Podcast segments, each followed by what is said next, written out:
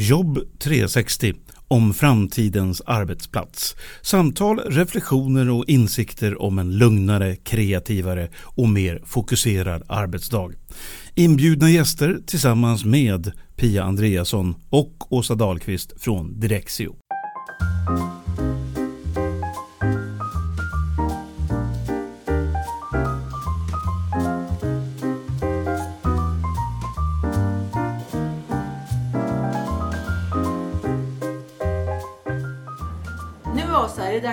Tredje samtal i cyberrymden.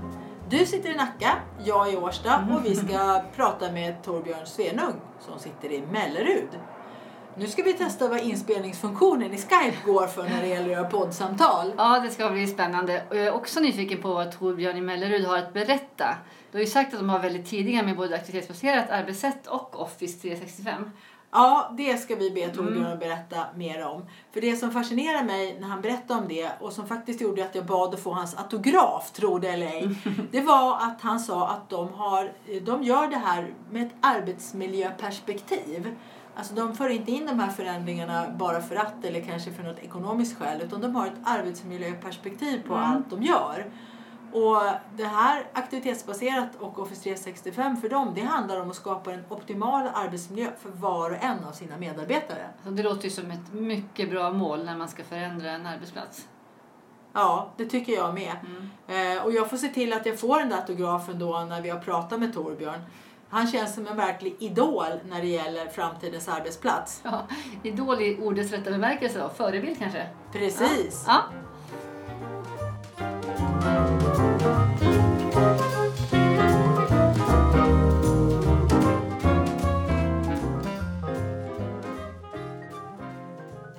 Sluta, det tänker jag inte göra. Ja, inspelningen har startat. Så då, har du, då får du den hos dig Torbjörn, så får du eh, dunka över den till oss på något sätt. Och sen. Ja, ja, men det kan jag göra. Ja, det blir jättebra det. För att eh, Åsa, jag ska berätta för dig hur det funkar. Jag spelar, då spelar man in, då syns man och så här, så blir det både ljud och bild. Men man kan göra om det sen. Det blir en MP4. Så man kan konvertera den till en sån här fil som vi använder då när vi i vårt redigeringsprogram. Mm. Mm. Så det brukar gå bra. Så om vi får den här filen av dig sen Torbjörn så blir det ja. jättebra. Vad bra, då säger Åsa och jag välkommen till dig Torbjörn Svedung från Melleruds kommun. Tack. Eh, hit till podden Jobb 360. Eh, och eh, anledningen till att vi är så nyfikna på vad ni gör i Mellerud är att ni är en liten kommun och du och jag Torbjörn råkar ju komma och prata med varandra här för några månader sedan. Och du berättade för mig en del om hur ni har jobbat bakåt och hur ni tänker idag och jag tyckte det där lät så spännande. Eh, och jag sa till Åsa att vi behöver ha med Torbjörn i vår podd. Mm. Så att eh, ni som sagt, hur, hur gick det? Berätta lite Torbjörn, hur jobbar ni i Mellerud när det gäller det här med digitalt och rörligt arbetssätt och så? Ja, alltså gru grunden ligger ju i en, en, strategi att vilja, eller vilja och vilja, vi måste bli mer digitala om man uttrycker sig så. Och med digital handlar det inte bara om att personal måste bli digital utan det är ju att vi måste erbjuda tjänster till samhället som är digitala för att Ja, dels är det ju att man blir mer och mer van vid att använda olika digitala verktyg eh, i sin kontakt med olika tjänsteleverantörer. Och mycket av de tjänster som vi erbjuder utåt till samhället i stort och som kommun handlar ju faktiskt om mm, egentligen dokumenthantering eller informationshantering i många olika delar och det är ingen som eller ingen är fel att säga, men det är många som vill istället för att komma på en viss tid och, och sådana här saker komma in och hämta den informationen direkt eller göra en ansökan via nätet eller något sånt där istället. Då. Så det, där, där har man ju basen i hela tankearbetet då att, att vara digital. Sen är det ju som så att eh, i en kommun så är ju många av de anställda också kommuninvånare. Och det gör ju samtidigt att de här personerna själva vill vara digitala i arbetet också i sina arbeten. Alltså man, man blandar mer och mer det här med vad jag gör privat och arbete med varandra. Mm. Så, så. Det stöter vi ju på när vi pratar ibland om digitalt arbetssätt att man har, ibland har man en väldigt bra digital interaktion med sina kunder. Men internt på företaget så kan det vara lite, lite sämre ställt med den digitala miljön och arbetssättet. Men då menar du att eftersom flera av era anställda också mm. bor i kommunen så vill de ha det lika, lika bra, bekvämt och smidigt när de är på jobbet som när de är privatpersoner? Exakt. Så är det Alltså det blir väldigt tydligt. Till det kommer ju också att vi jobbar idag med fem generationer. Vi har, jag brukar säga det lite klatschigt eller klyschigt kan, heter det. Eh, att eh, vi har eh, Justin Bieber i ena änden och så Greta Garbo i andra och så allt däremellan.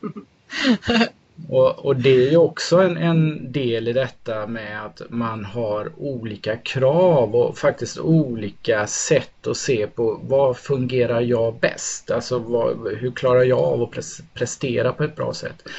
Och ska vi som arbetsgivare sitta och låsa in då alla i ett enda spår, ett enda fack så, så kommer vi ha väldigt många lågpresterande personer. Mm, som inte känner sig riktigt hemma. Nej, exakt. Och det, det blir krångel och så vidare. Och då, då måste vi ju också bredda vår eh, så att säga tjänstekatalog internt. Så att eh, alla kan jobba på olika sätt. Eh, ett sånt sätt som vi gjorde som var en av de vi var den första kommunen i alla fall enligt utsago att gå in i Office 365 fullt ut i Microsofts lösning.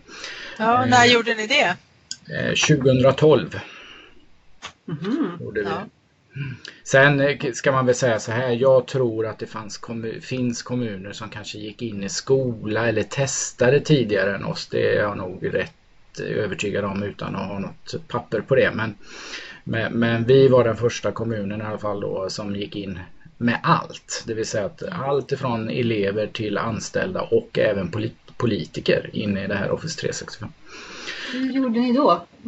Hur gick ni tillväga för att få alla att börja använda det här? Ja, alltså det, det, är ju det som är det fina med Office 365. Så tidigt som vi gick in så var ju faktiskt inte eh, Office 365 fullt utvecklat. Men, men, man kan väl säga så här att, att det var en del i det att täcka behovet från med alla dessa generationer vi jobbar med. För att eh, Greta Garbo kan fortfarande gå in och använda klienterna som vanligt på sin dator och så vidare. Likväl som vi har Justin Bieber som bara jobbar i webben. Så ja. Det var en, en, så att säga, ett sätt att resonera runt att alla måste inte jobba i webben utan vi har möjlighet. Vilket också har gjort att jag vet att eh, Microsoft pratar ju väldigt mycket om det här med olika yrkesgrupper och olika eh, licenser till olika yrkesgrupper. Vi har i, snarare jobbat med licenser utifrån vad har jag för behov, hur jobbar jag som bäst som person. Mm. Ja. Och sen eh. kan man också då steppa upp om man skulle få höra talas om något bra ja. sätt. Och då är det nästa nivå och då är det inga problem. Då är det bara att lägga en sån licens och så har Greta Garbo också Teams om hon nu tycker att det verkar vara intressant. Ja exakt, alltså man kan laborera på ett helt annat sätt mm. med de här licenserna då. Och, och, sen, sen försöker vi givetvis eh, rikta oss lite mot det här med yrkesroll och vad man behöver för licens för det finns ju en ekonomisk konsekvens i det här också givetvis som man måste ta mm. hänsyn till. Men eh, Eh, vi tvingar ingen att kanske först och främst välja webben likväl som vi tvingar ingen att först och främst välja klientlösningen. Det är, det är någonting som vi jobbar med på Direxio för att vi har ju märkt det att de flesta är bekväma med en klientlösning. Alltså man känner igen sig, man, det mm. känns tryggt och bra att ha eh, OneNote och Outlook som vi jobbar mycket med och på datorn. Man är, man är, det är inte så farligt och då mm. börjar vi där och låter dem kliva in i ett mer digitalt arbetssätt och samverka och så vidare och då blir ju steget över till kanske Teams då mycket mindre för man är ju redan van att samarbeta i de här programmen som man känner sig trygg med. Så, så hur, gör ni för att, hur har ni gjort över tid för att få människor trygga och bekväma med, med det här? För det är ju ändå nytt. Vad, vad har ni för knep där? Alltså, vi, vi, har egentligen inget knep utan det är som så här att de flesta av oss vill utvecklas på ett eller annat sätt. Oavsett ålder och oavsett hur nära pension man är. För det, tror jag också har varit en diskussion ibland att folk som är nära pensionen inte vill lära, lära nytt och så vidare. Givetvis finns de människorna. Det, det ska vi inte sticka under stol med. Men majoriteten av oss vill faktiskt lära oss nya saker. Ehm, så att det det handlar om egentligen är ju mer om hur vi eh, pratar, hur vi diskuterar, hur vi eh, eh, förhåller oss till de här olika instrumenten och verktygen. För Office 365 är ju bara ett verktyg av alla verktyg vi har idag. Mm. Ehm, och det är väl snarare den biten hur vi chefer diskuterar och pratar om det med personalen. Mm. Eh, för att komplettera den dialogen som vi har så eh, kör vi lite inspirationsdagar. Eh, mm. Det är helt öppna dagar där folk eller personal får boka in sig. Eh, kan de så kan, kommer de och kan de inte så bokar de inte in sig. Och det, där drar vi olika ämnen. Ibland är det Office 365, ibland kan det vara helt andra saker. Eh, ibland kan det bara vara en, ett, ett enda verktyg, Teams till exempel som du tog upp. Ja. Ja. Och så vidare. Och så då... ni erbjuder alltså hela tiden möjlighet för människor att utveckla sig eh, kompetensmässigt inom det digitala. Och, och då mm. den signalen som ni skickar när ni säger det, skickar ju samtidigt en signal att vi tycker att det är viktigt att alla utvecklas. Därför gör vi möjlighet för det. Mm, exakt. Och då även om man inte går på den här dagen så kanske man ändå får den signalen att jag ska ta mig vidare inom detta. Ja, så är det. Sen är det också viktigt att, att vi chefer eh, som har ett övergripande ansvar faktiskt också använder de här verktygen för att visa. Så där blir det ju lite mer tvingande då om man är Om man är chef då, ja. då måste man steppa upp. Ja. Eh, ja, och det pratar ju många förändringsledare om också, alltså det är cheferna. Och jag tycker ibland att det läggs lite för mycket på cheferna. Jag tänker med medarbetarna måste ju också faktiskt få höra att du förväntas faktiskt ta ett kliv framåt och lära dig saker och utvecklas. Som du säger, de flesta vill ju utvecklas. Eh, så att det som saknas är väl kanske att man får möjlighet till det. Mm. Att det blir de här öppningarna gör dagar då man faktiskt visar att här, kom och utveckla dig mm. inom det digitala. Jag tänker också att det blir lagom utvecklingssteg för varje person. Och det är det ni, det ni jobbar med kan jag tänka mig idag. Att det blir, att, att det blir, att det blir anpassat till varje person hur man utvecklas och hur, hur snabbt man kan göra det. Ja, exakt. Alltså det, det handlar ju om eh, min egen energi egentligen i det och, och eh, till viss del vilja också. För, men sen är det ju väldigt ofta så i en, i en arbetssituation att man kanske inte alltid har energin till att nu satsa på det här också. Så det måste finnas en balans i det och den, det lägger vi ju på medarbetarna att känna av den balansen. Mm. Däremot, eh, där, och det ska jag väl erkänna, där är vi inte riktigt än, men vi jobbar på det. Och det är ju faktiskt det här med att inte vilja utvecklas alls. Det kommer vi gå ja. ifrån mer och mer. Och det bygger ju mer på våra medarbetarsamtal och lönesamtal och sådana saker, vad, vad det är vi lägger i det. Mm. Eh, och det kommer nog bli mer och mer tydligt, det vill säga att, att det är inte accepterat att inte vilja utvecklas. Mm. Eh, utan man måste bli bättre på det man håller på med på något sätt. Och ja. Det handlar också om, om vi nu ska se digitaliseringen som helhet då, att vi kommer, eller vi håller på nu och tittar på hur ska vi hjälpa kommuninvånarna att bli mer digitala. Mm. Det vill säga att vi, det, det, även om eh, vi vet att våra medborgare eh, vill ha mer så har vi också grupper i samhället som kanske har lite ett visst motstånd mot det här och så vidare och då måste vi hjälpa dem in så att de inte hamnar efter och utanför. Men det är ja. utifrån det kommunala ansvaret gentemot våra invånare generellt sett. Då. Det är ju också kanske mycket äldre personer som bor Ni har ju lite glesbygd också tror jag i Mellerud. Att kunna mm. göra digitala möten då på, på ett smidigt sätt om det går är, är ju väldigt bra istället för att man ska behöva ge sig iväg eh, flera mil då för att eh, träffa någon. Eh, mm. När det går lika bra så här. Ja, exakt. Och sen framförallt handlar det också om att man Ja, ta åldervården idag, alltså hem, hemvården som det heter, eh, där man åker hem till personen i fråga och hjälper i hemmet. Ja, men, alltså där behöver ju också en digital utveckling ske och då behöver ju den boende där faktiskt också få hjälp att använda den digitala tekniken. Och sen gäller det där även där att eh, lägga det på en sådan nivå som vi pratar om så att det funkar för det får ju inte bli eh, så att säga ett, ett eh, övermäktigt krav. På. Eh, sen det, här, det handlar ju också mycket om ingångarna man gör för när vi jobbar ju så försöker man ju hyvla ner trösklarna till det nya eh, och där finns det olika pedagogiska metoder man kan ha bland annat att se till att människor har roligt när de lär sig eh, men också pedagogiska trösklar i det digitala att man säger till en äldre person att nu ska vi mötas via Skype istället för att säga att nu finns det, nu kan man även se varandra när man pratar i telefon, visst är det bra. Mm. Och så provar man en gång och sen till slut så känns ju det efter ett par tre gånger väldigt naturligt att, mm. att prata med distriktssköterskan eller vem det nu är över till Skype istället eller någon annan mötespunkt på nätet. Mm. Sen tänker jag också att det är bra för de anhöriga att, så, att det kan underlätta väldigt mycket för de anhöriga till de äldre att uh, få kanske information digitalt. Absolut och, och lättheten efter, jag kan ju bara ta mig själv. Eh, jag bor i en kommun, jobbar i en annan har eh, föräldrar i två andra kommuner eftersom de är skilda. Oh. Och till det har jag ett sommarhus i en tre, ytterligare en kommun. Och, och, det gör ju att när jag ska kommunicera olika saker så blir ju den digitala världen väldigt, väldigt viktig för mig för att hinna med allting och framförallt att kommunicera med min familj eh, som man försöker i alla fall göra dagligen. Eh, jag har ju ingen telefon överhuvudtaget längre vare sig mobil eller eh, fast telefoni utan jag kör ju Skype. Och det gör Via jag... din ja. padda, dator? Ja, via datorn främst då så att säga. Sen har jag en jobbtelefon jag kan ju köra Skype på då men, men jag kan ju inte, jag, alltså jag ringer ju inte om jag säger så på den utan det händer att jag kör Skype-samtal då ibland.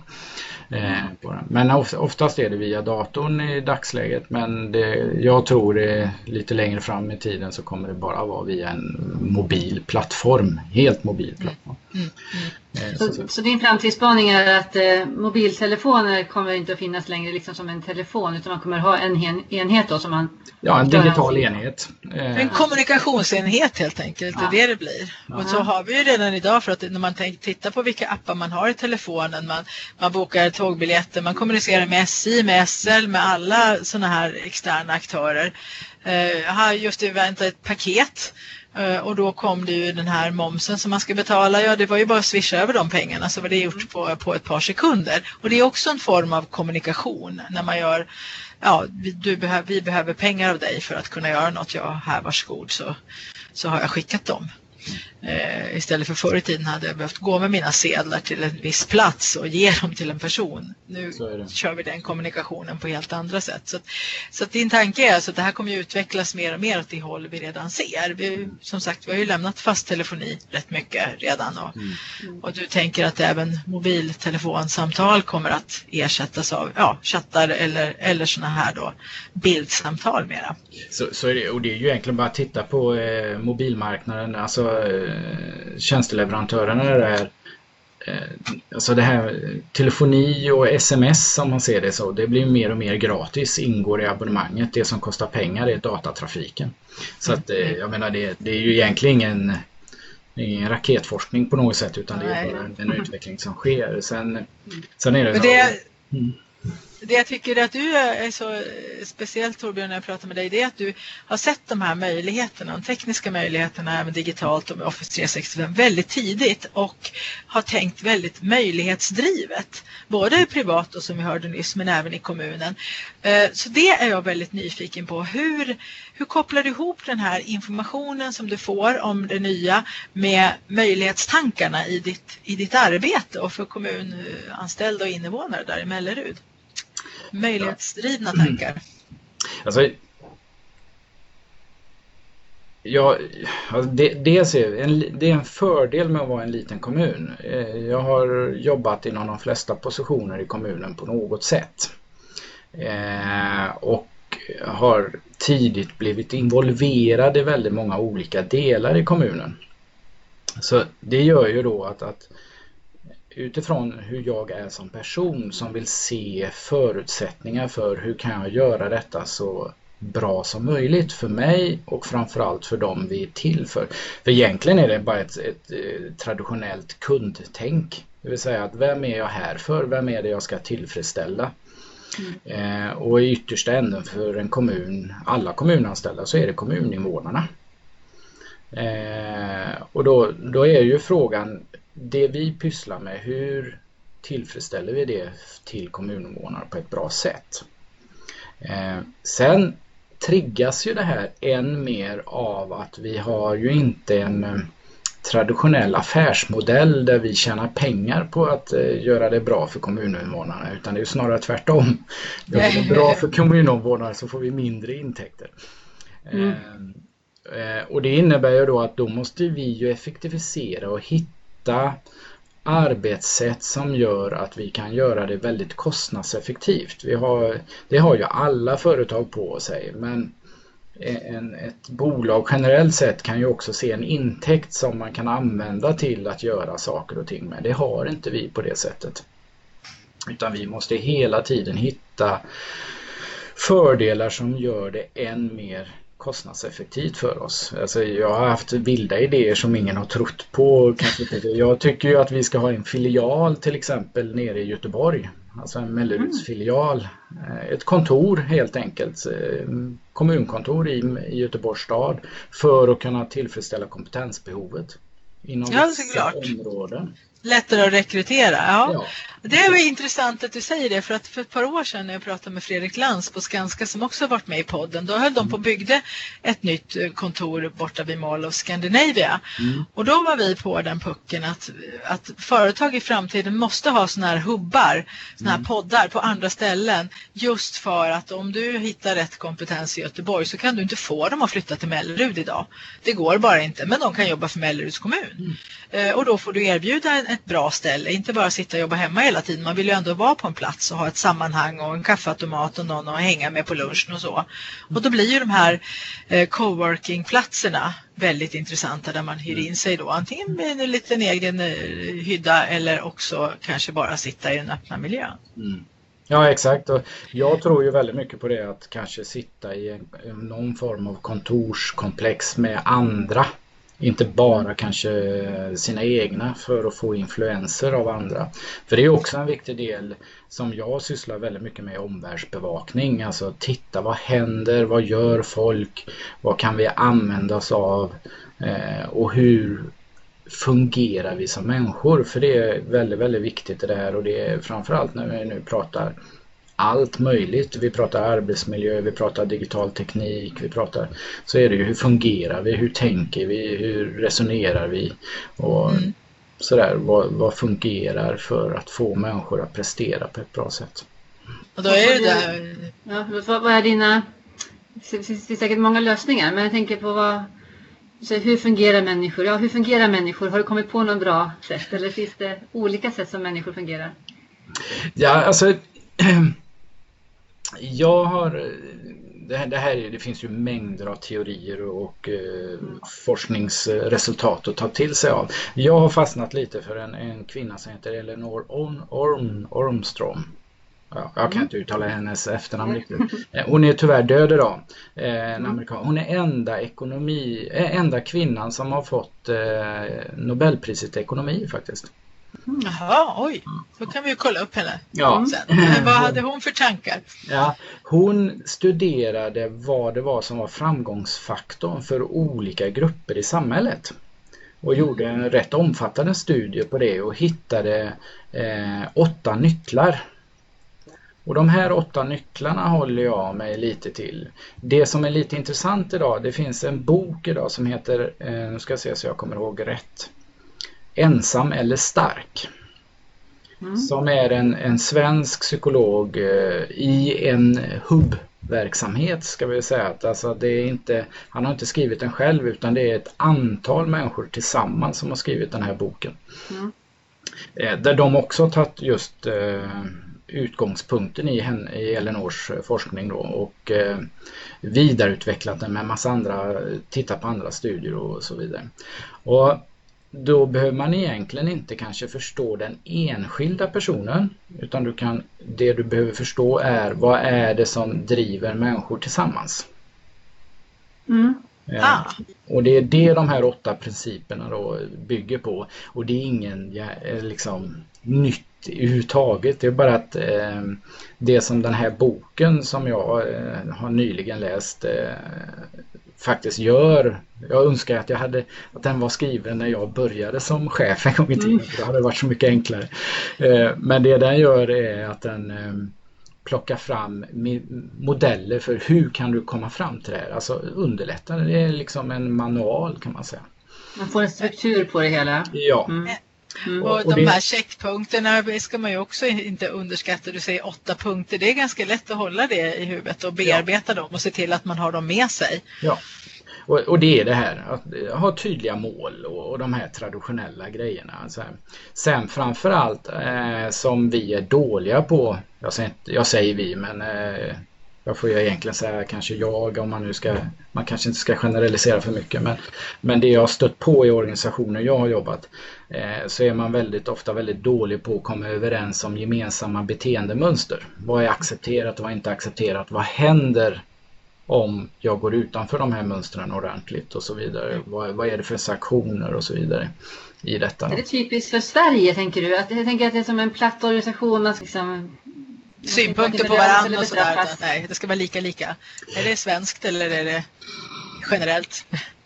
Jag har ju jobbat i Försvarsmakten och, och även jobbat med utländska kollegor. Och jag vill påstå att det är världen över. Alltså det är inte svenskt överhuvudtaget. Alltså det är lätt att kalla det svenskt för att vi för det, det finns givetvis skillnader. Ehm, fin, I Finland så säger man ju ofta vad man tycker och tänker rakt upp och ner. Det är liksom inte konstigt att man gör det. Vi sven, här i Sverige kanske inte riktigt, vi kanske vill linda in det så att det ska låta lite mjukare. Men vi säger ju fortfarande vad vi tycker och tänker men kanske inte riktigt lika på. Eh, Eh, sen om det handlar om konflikträdsla eller vad det nu är, det vet jag inte så sätt. Men, men generellt sett de här olika delarna vill jag påstå är rakt över hela världen. Det spelar ingen roll om det, vi pratar Sverige eller inte.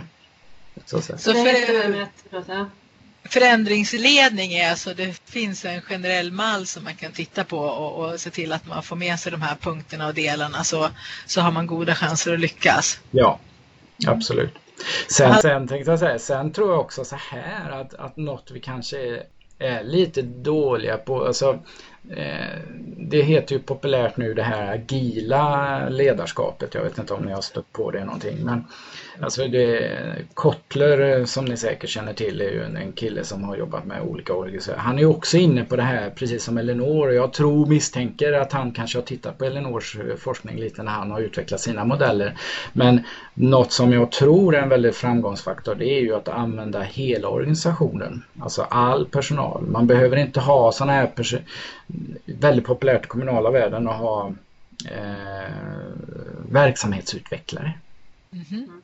Eh, Medan jag kanske är lite mer av det här att använd organisationen, använd den personal vi har. Återigen den här tekniska utvecklingen eh, som man kan använda. Vi använder Office 365, alltså se till att alla är med inne i 365 oavsett om du använder klienten eller inte. För du kan alltså, vi är 1200 anställda. Alltså det, det vore väldigt konstigt om inte vi kan utveckla saker utifrån 1200 personers idéer. Mm. Ehm, och använda den kraften i vår utvecklingsprocess istället för kanske e-, enskilda individer ska sitta och hitta på saker och ting. Och man behöver egentligen bara slänga ut frågan. Ehm, man behöver inte göra det på ett sådant sätt att man ska tro att alla ska få sin vilja igenom eller alla idéer ska bli någonting utan man kan göra det på ett sådant sätt att ehm, ja, för, vad hette det förr? Man hade en sån här eh, idélåda, brevlåda eller något sånt där. Just det, Men det var fortfarande vissa få som valde ut vilka idéer som skulle vara, vara gångbara och inte gångbara. Här kan man ju faktiskt använda olika kompetenser hos olika personer för att utveckla olika digitala verktyg till samhället och kommuninvånarna. Generellt sett till exempel. Så att, ja, jag, jag tänkte på en sak, det som är vårt eh, område här då, att vi utbildar och så. För att min erfarenhet är att för att man ska kunna komma på de här bra idéerna om hur vi kan utveckla verksamheten och så, så behöver man tanka in en viss grundkunskap som hela gruppen får. Det har jag sett väldigt många gånger när jag har utbildat, att jag har berättat om olika sätt att använda de här digitala verktygen. Och då är det någon som säger, men det kan vi ju använda på det här sättet. Mm. Och sen är hela gruppen igång och börjar tänka, nu fick vi lära oss något nytt allihopa tillsammans och vi kan mm. använda det på det här viset. Hur, hur arbetar ni för att få, få den effekten, den här kunskap ger trygghet som ger idéer? Mm. Ja. helt, alltså först och främst jag vill påstå det att det är något man är dålig på det är ju att prioritera utbildning generellt sett. Ehm, eh, även hos oss. Alltså utbildning kostar väldigt mycket pengar men jag, det jag ser är att vi får igen de pengarna väldigt snabbt. Ja. Eh, jag nämnde de här inspirationsdagarna, de är en sån typ av eh, tanke i det här. Men sen är det också det att vi bjuder in oss, min verksamhet bjuder in sig till eh, de olika arbetslagen för att visa vad som finns. Och då visar vi allt i detta. Sen kan vi trilla tillbaks till det vi pratar det här agila tänket och så vidare. Alltså det, det handlar väldigt mycket om att ha en hög transparens i organisationen som helhet. Eh, en transparens som handlar om att eh, det är bättre att ge för mycket information än för lite. Eh, genom att ha information om olika saker som sker eh, så kan man själv komma på ja, men om nu det här ska ske, vad vet jag, vad kan jag bidra till? Och där i ha en dialog, för det behövs kanske inte eh, en, en utbildning i alla lägen utan man kan ha en dialog och så kommer olika folk in med olika input. Mm. Till exempel kan det vara så att man pratar, ja men ja, man börjar prata om att den här idén borde vi utveckla på något sätt. Och då kan man säga, är det något, ja, men då kanske ska se om vi kan sätta ihop en liten, ett litet arbetslag, oftast kallat då projekt eller något sånt där. Men säg att vi kan, en, en liten grupp som kan prata om det här och se om vi kan göra det här. Och då ser jag den dialogen i Jammer till exempel. Och då kan jag väldigt snabbt typ här, men har ni tänkt på det här verktyget när ni gör den här? Och så kan jag få frågor tillbaka och så kan jag visa lite kort eh, spela in en liten väldigt snabb film och lägga ut i gruppen som de kan titta på då eller något sånt där. Och då får de en input som gör det. Så man behöver inte göra de här stora utbildningstillfällena som också behövs. Det ska jag inte sticka under stol med. Mm. Det som vi gör i detta det är att vi har byggt ett, eh, ett eh, utbildningsrum för personalutbildningar som är väldigt litet. Det går in max nio personer i det här rummet. Mm. Eh, och det är medvetet för att när vi har utbildningar så ska man inte kunna göra det i de här stora grupperna för att då hamnar du många gånger i en situation där man missar, det är ungefär som ett klassrum. Alltså om du, ja. säger, så du kan sitta i hörnet och inte vara med. Liksom. Ja, alltså du missar någon, någon kanske inte orkar engagera sig just den dagen och så vidare och fångas inte upp alls. Och det finns ju mängder av eh, saker i detta då. Eh, det kommer man ifrån i det här lilla utbildningsrummet. Du pytsar ja. också ut utbildningen i, vid olika tillfällen på ett annat sätt för en större grupp som gör att de går hem och pratar om det tillsammans efter och ja. intresserar. Så den första gruppen har redan inspirerat många av de andra som kommer senare. Ja, det är exakt våra erfarenheter också. Mindre grupp, de blir inspirerade, de är engagerade i hela kurstillfället och sen också att man inte tar allting i klump utan att man återkopplar efter ett, en månad eller något och, mm. och tar det vidare så att säga. Mm. Jag tänkte jag skulle avsluta med några frågor här för vi behöver runda av, vi ska hålla mm. tiden. Eh, och jag har två frågor, dels kring eh, Office 365 och sen också vet jag att ni har en lite speciell lösning på aktivitetsbaserat arbetssätt. Jag vet att ni har en kombo där man både jobbar aktivitetsbaserat om man vill men vissa har egna skrivbord. Och där tänkte jag fråga, hur kommer det sig att ni har tagit fram den lösningen och hur funkar det? Ja, alltså jag skulle vilja kalla det aktivitetsbaserat generellt sett. Jag skulle inte säga att det är en kombo. För det aktivitetsbaserat handlar ju precis om vad har jag för behov? Eh, som jag sitter hemma idag till exempel eh, och jobbar hemifrån en dag. Eh, det är ett sätt för mig att kunna koppla bort störmoment. Eh, jag kan givetvis boka ett rum på kommunkontoret och så sätta mig där och så eh, hoppas att jag inte blir störd av de här oh, eh, småfrågorna och så vidare. Nu har vi ju digitala verktyg men där kan jag ju faktiskt avskärma mig på ett annat sätt från frågorna. Eh, men att ha ett eget arbetsrum finns vissa personer som behov, har behov av det. Eh, det kan vara fysiologiska sådana behov men det kan likväl vara koncentrationsdelar, alltså psykologiska behov som gör att man behöver ha en. Och likväl som det kan vara arbetsrelaterade uppgifter. Att man mm. behöver hela tiden ha sitt egna kontor. Och det är ju det som egentligen är det aktivitetsbaserade, det vill säga utifrån hur jag presterar bäst det är det som styr vilken arbetsmiljö jag kan förhålla mig till. Mm. Ja. Sen, sen, är det ju många av oss som har sådana arbetsuppgifter som gör att vi inte sitter vid ett skrivbord hela tiden.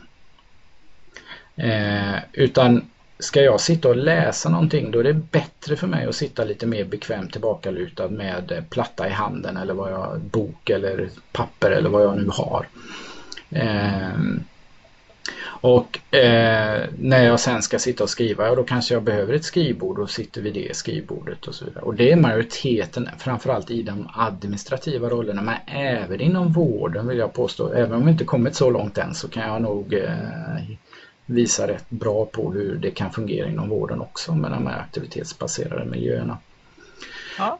Eh, så att kombon som vi pratar om här bygger just på att ge personerna förutsättningar att prestera så bra som möjligt snarare än kanske att eh, alltid spara pengar och så vidare. Sen är det en kombo i sig att kan vi hitta bra arbetsmiljö för alla så kan vi samtidigt spara pengar på att inte behöva så stora lokaler och så vidare. Men gör man... Fråga bara, är det någonting som ni har sett som eh, vad har ni lärt er av den här flytten nu till aktivitetsbaserat? Är det någonting som du kan tänka, om du skulle ge ett tips till en annan kommun eller annan organisation på vad ska man tänka på? Vad kan fallgroparna vara? Fallgropen är att man eh, lyssnar på eh, en fråga för mycket. Det vill säga att man kanske landar i att ja, ta det här som är vanligt. Ekonomi. Spara pengar. Eh, eller att man kanske landar i den här att eh, det är bara skrivbord. Alltså att man, man gör en traditionell skrivbordsmiljö och så kallar man det aktivitetsbaserat sen. Ja, ja. Eh. Att, man inte, att man missar helheten, alltså att det är flera aspekter här. Ja, det är både du... möbleringen, det är människorna, det är ekonomin, det är IT-miljön. Det är arbetsuppgifterna och så vidare. Mm. Um, och det, där behöver man låta det ta tid. Alltså rusa inte in i detta utan eh, eh, det är bättre att analysera. Här är det faktiskt bättre att analysera. Det är svårare att testa sig fram i, i det här eftersom det handlar om rätt stora processer. Det är lokala, alltså man ska ju riva väggar. liksom. Mm. Eh, det gör du inte genom att testa dig fram. Nej, man slår ner en betongvägg så kan det bli svårt att sätta tillbaka den. Ja, exakt. Efter här, tre månader. Så här behöver man låta det ta lite tid och fundera lite i det här. Så att se helheten, alla aspekter och låta det ta tid när man ska gå in i ett sånt här projekt. Och så lägg lite tid i detta givetvis på att eh, fundera över beteenden. Mm. Eh, för Eh, jag var på ett annat ställe och diskuterade den här frågan med ett, ett bolag. Eh, och det visar ju sig att de hade ju rusat in i det här med och så vidare och helt missat egentligen vad är det man har mest behov av? Jo det är små möten. En till två möten, kanske tre till fyra personer. Och då hade man byggt de här stora konferensrummen för eh, 10-12 pers Eh, alltså istället för kanske hade fem, sex smårum. Eller en, en kafeteria med ståbord. Alltså Ja, man, man missade det. Hur, vad behöver människor här för att det ska mm. funka? Och att just det här, att just här behöver man ha två och två. Jag var på ett ställe för flera år sedan och nu ska de faktiskt rigga om mer och mer till aktivitetsbaserat. Men de hade en stor, jättestor ljusgård i mitten med flera våningar. Mm. Och eh, då fanns det ju naturligtvis ett staket så inte människor skulle ramla ner. Mm. Eh, och det var lite snyggt och så. Men då gick jag där med, med deras fastighetsansvariga och sa men här måste ni kunna klicka på sådana här ståbord. Så kan man stå två och två här och, och, ha lite utsikt faktiskt och, och, lite öppet och så prata om just sådana här saker som du beskriver. Så att alla lokaler innehåller ju möjligheter som man får hitta utifrån vad behöver vi. Men Pia, du hade också en fråga om Office 365 innan vi slutar. Just det, om, eh, om du skulle ge ett råd till någon kommun som står i begrepp att nu ska vi kliva över här i Office 365 och eller kanske de redan har gjort det lite grann. Ni som har varit där så länge, vilket tips skulle du vilja skicka med när man nu ska gå in i Office 365 kanske nu i oktober? Um, ja, egentligen handlar det om mod skulle jag vilja använda som uttrycker det. Det vill säga Mod? Ja, mm. här ska du testa. om jag säger så. Try and arrow, liksom. Eh, i tre... Det kan inte gå sönder utan man vågar prova bara. Alltså. Ja, och eh, mycket saker kommer fram när man testar i 365. Eh, eh, jag, jag vill påstå både privata och eh, offentliga verksamheter har väldigt mycket det här med ramar, regler, styrning. Styr så lite som möjligt. Eh, Styr så lite som möjligt när det gäller Office 365. Låt folk gå in och testa och upptäcka saker och sen också tänker jag skapa ytor för återkoppling då, då vad man har mm. kommit på att man kan dela det med varandra. Mm. Det var du inne på förut att man delar kunskaper i grupper så, så kommer mm. man fram till lösningar. Ja, men då har vi faktiskt kommit till, till tidens slut. Vi försöker hålla oss här under, under runt en halvtimme. Det blir svårare och svårare för ju mer intressanta personer vi träffas desto mer, desto mer input får vi ju. Eh, vi tackar... Uppföljare. Ja, vi får ta en uppföljare sen och, och höra oss för om ett halvår. Hur har det gått och var har ni landat nu och så. Eh, vi tackar dig Torbjörn mm, för det här samtalet. Tack själva.